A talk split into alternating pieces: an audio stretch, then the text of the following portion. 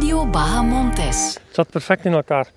Je begon met een uh, proloog die bergop was. Aankomen aan de Kosmos, bovenop de Rode Berg, beginnen in uh, Reningelst. Aankomst de bergop en kasseien en alles. Dan had je een etappe door de Vlaamse Ardennen. Hans de Klerk en Casper van der Meer halen samen herinneringen op aan de Ronde van West-Vlaanderen. Een zevendaagse etappekoers voor amateurs in 1992. Twee tijdritten, dat is al heel veel. Een uh, vlakke etappe, denk ik, in Dieksmuiden. Een vlakke tijdrit, sprintetappes. Dat was wel uh, een heftig rondje hoor. Eigenlijk zat in dat klein rondje alles in. Maar ze hebben het nog niet over de reden waarom we 28 jaar na datum juist hier, op de Kemmelberg, hebben afgesproken om terug te blikken op die ronde. Zullen we het over de Kemmelberg hebben, heren, waar we nu op aan het klimmen zijn? Ik hoor het aan uw ademhaling. En die van jou ook hoor. Ja, dat zal wel zijn. We zijn ook al een mensen van 50 jaar, dus dat hè? Ja. Natuurlijk moeten we het over de Kemmelberg hebben. Hier werd op 26 april 1992 waarschijnlijk de zwaarste rit ooit in de geschiedenis van het Belgische amateurwielrennen gereden. De vierde etappe, de Koninginnenrit, van Menen naar de Kemmelberg. 111 kilometer, met op het programma... Zes keer Kemmel. U denkt dat u het niet goed gehoord hebt. Oké, ik laat het nog eens horen. Zes keer Kemmel. Als ik er met Hans over praat, blinken zijn ogen. Ik vond dat fantastisch. Als ik er met Casper over praat, blinken zijn ogen ook. Nu denk ik niet meer in België, ik weet dat niet. Of er zo'n koers nog is. Het zou mooi zijn, moest de jeugd dat weer krijgen. De Ronde van West-Vlaanderen 1992 werd een duel tussen de enige twee die niet plooiden die dag op de Kemmelberg. Hans de Klerk en Casper van der Meer.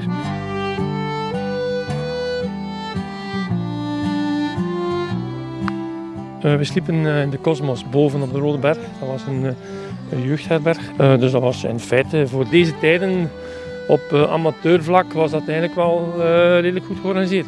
Dat was altijd rijst en kip. Dus het menu was heel simpel.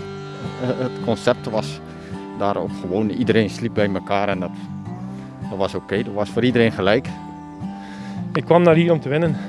Zo simpel was het.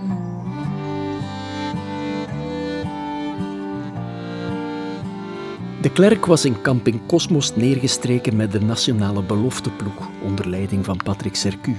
Hij krijgt een kamertje samen met Tom Steels. Casper van der Meer kwam met een stevig Nederlands team, Dextro Volendam, met onder andere Aart Vierhouten en Wietse Veenstra. Na een proloog op de Rode Berg, waar Casper knap vijfde wordt, gaat het meteen naar de Vlaamse Ardennen. Quaremon, Patersberg, Korte Taaienberg. En toen ben ik eigenlijk, uh, heb ik daar al gekozen om voor een trui te gaan. Heb ik het bergklassement daar meegepakt. En daar rijdt in de finale, uh, groep weg. Man of 10, 12 denk ik, met Casper erbij. Ook een paar jongens van nationale ploeg, ik denk in mijn Momloop. Die er ook bij zat. Tom Steels, dat ben ik niet zeker. Waardoor ik daar al direct op ja, 40, 45 seconden achterstand kwam te staan. Maar bon, dat is koers, dat is de zittenkoers. En op die manier kwam Casper redelijk snel in de hele trui te zitten. Casper verbaast zichzelf, want zijn voorbereiding op de Ronde van West-Vlaanderen was helemaal in de soep gedraaid. Ja, voor mij was het eigenlijk heel raar, want ik denk twee dagen voor de start ging ik pas uit het gips met mijn, met mijn pols. Ik had helemaal niet zoveel gekoerst, omdat ik in de Vaucluse was gevallen. Sanderendaags wint Wim van Zevenand een waaieretappe voor Tom Steels. En op vrijdag pakt Caspers ploegmaat Erwin Houtop de zege, alweer voor Tom Steels. Het verschil tussen leider Casper van der Meer en bolletjestrui Hans de Klerk bedraagt 40 seconden. Maar iedereen zit die avond in de kosmos, bij de kip met rijst, met zijn hoofd bij het vreselijke tweeluik dat de renners op zaterdag staat te wachten.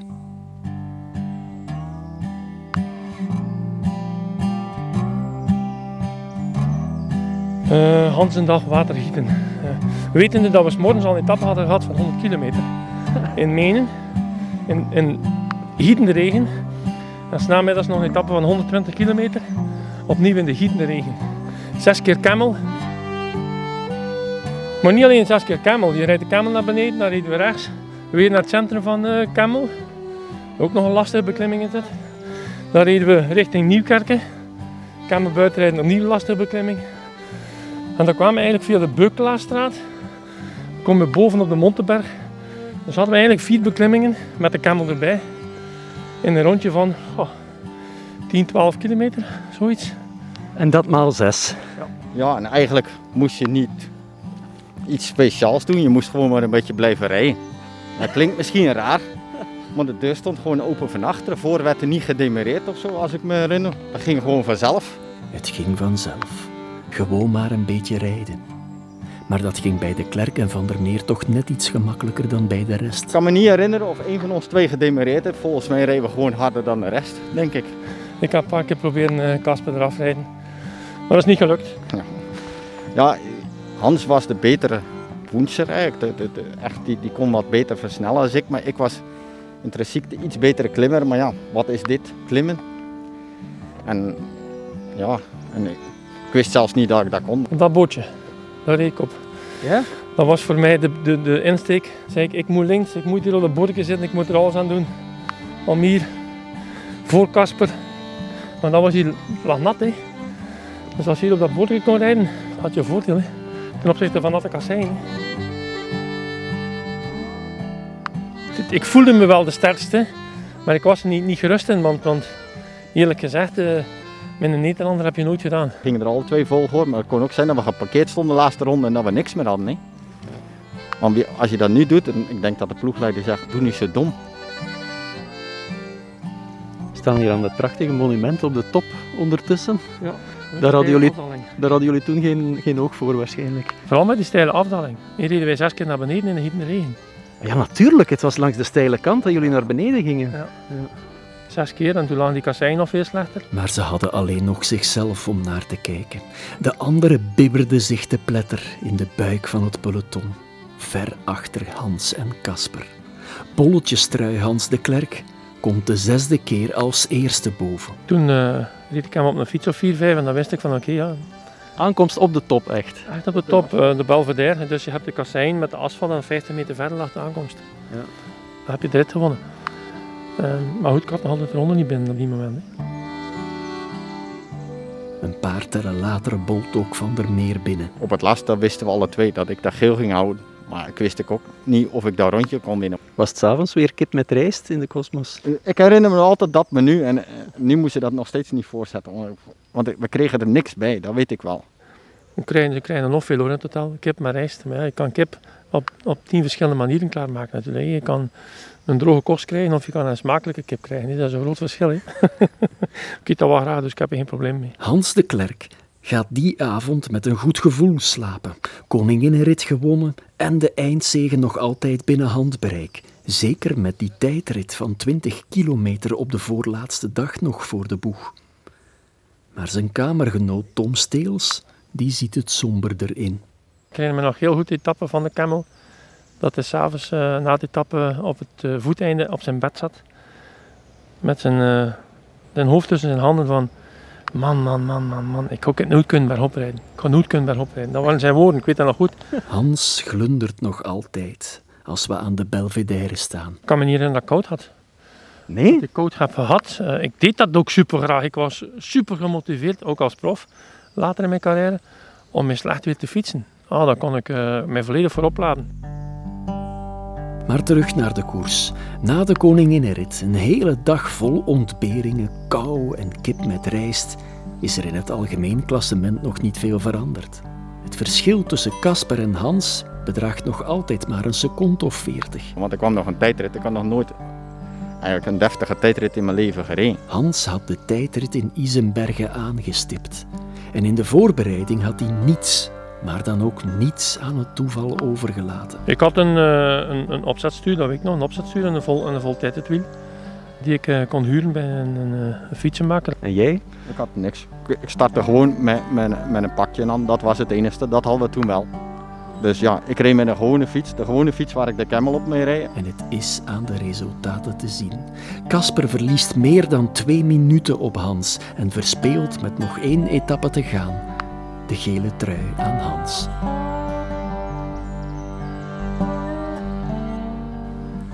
Weet je wat ik heel bijzonder vind? dan worden jullie in hondse omstandigheden zes keer op één dag over de Kemmel gestuurd na een ochtendrit van 100 kilometer in Menen. En daar zeggen jullie braaf niets op, komt geen protest op.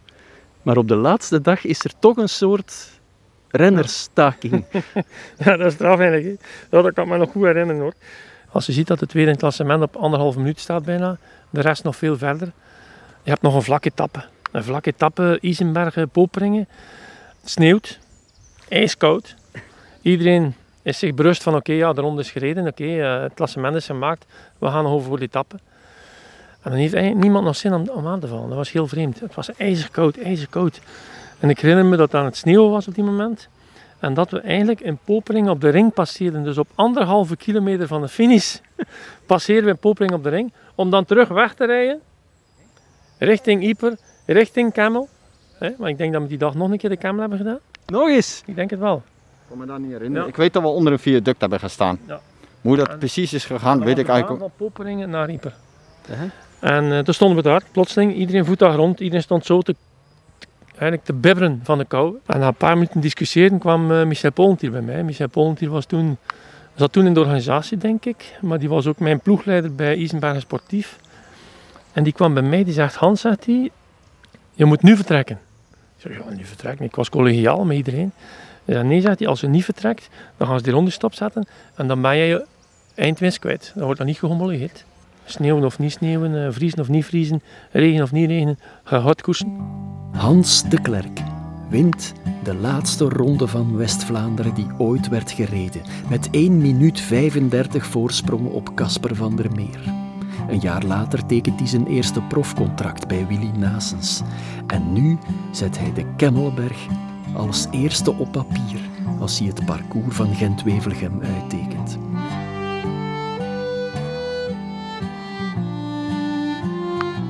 Casper van der Meer heeft gemengde gevoelens als we langs de steile kant de Kemmelberg aftalen, net als toen. Die Camel die heeft wel bij mij, eh, ja, ik ga niet zeggen mijn leven veranderd, dat is overdreven, maar eh, wel wat betekend. Hè. In 1997 staat Casper hier weer, op die vermalen dij de Kemmelberg, in de driedaagse van de pannen.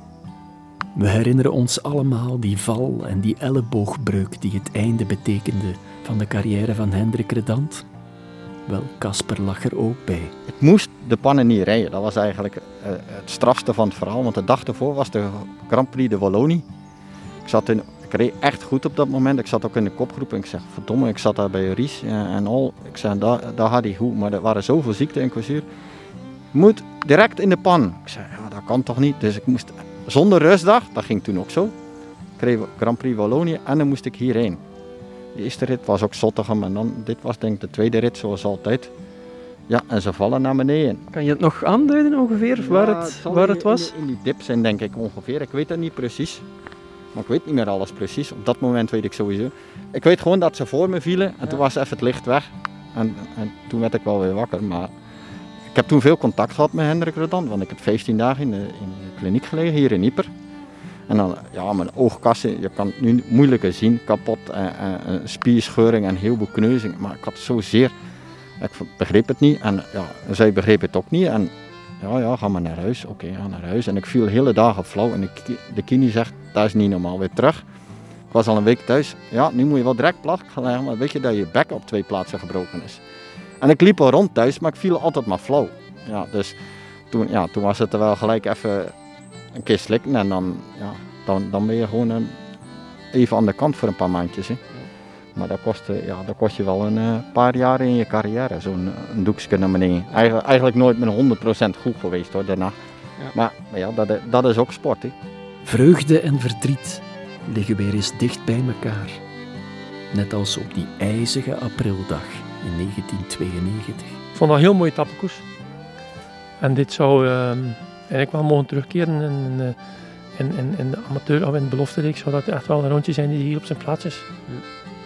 Als koersdirecteur in Gent-Wevelgem heb je natuurlijk een, om andere redenen nog een zeer bijzondere band met deze Kemmelberg. Kan je je dat voorstellen? Probeer nu eens in dat hoofd van die organisatoren van toen te kijken. Kan je je dat voorstellen dat je dat een peloton deze dagen nog zou aandoen? tuurlijk, waarom niet? Echt? Ja, waarom niet? Ik, eh, ik heb nu niet, niet parcours getekend nu voor uh, de, de corona-editie in 11 oktober gaan Wevelgem.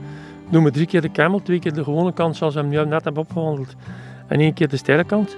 Er is geen enkel renner die, uh, die daarover klaagt. Zes keer de camel is dat veel, ja, oké, okay, ja, zwart, ja. Als je een tour, uh, een, een Alpenkol of drie, vier tegelijkertijd op dezelfde dag moet oprijden bij 35 graden, is dat verantwoord. Tuurlijk, een etappe 100 kilometer morgens in de regen en dan nog een keer 120 kilometer waarin dat je weet dat je camel moet doen, vind ik niet meer verantwoord. Ik spreek dan over belofte en zelfs voor profs niet meer. Maar een etappe van, laten zeggen, 150 kilometer waarin je zes keer de camel moet doen, hier die plaatselijke ronde, alle mooie brede wegen, dan denk ik, heb ik er geen enkel probleem mee. Vind ik niet. Ik niet. Uh, dit moet kunnen, dit is ook niet gevaarlijk en dat is mooi, dat brengt mooie koers.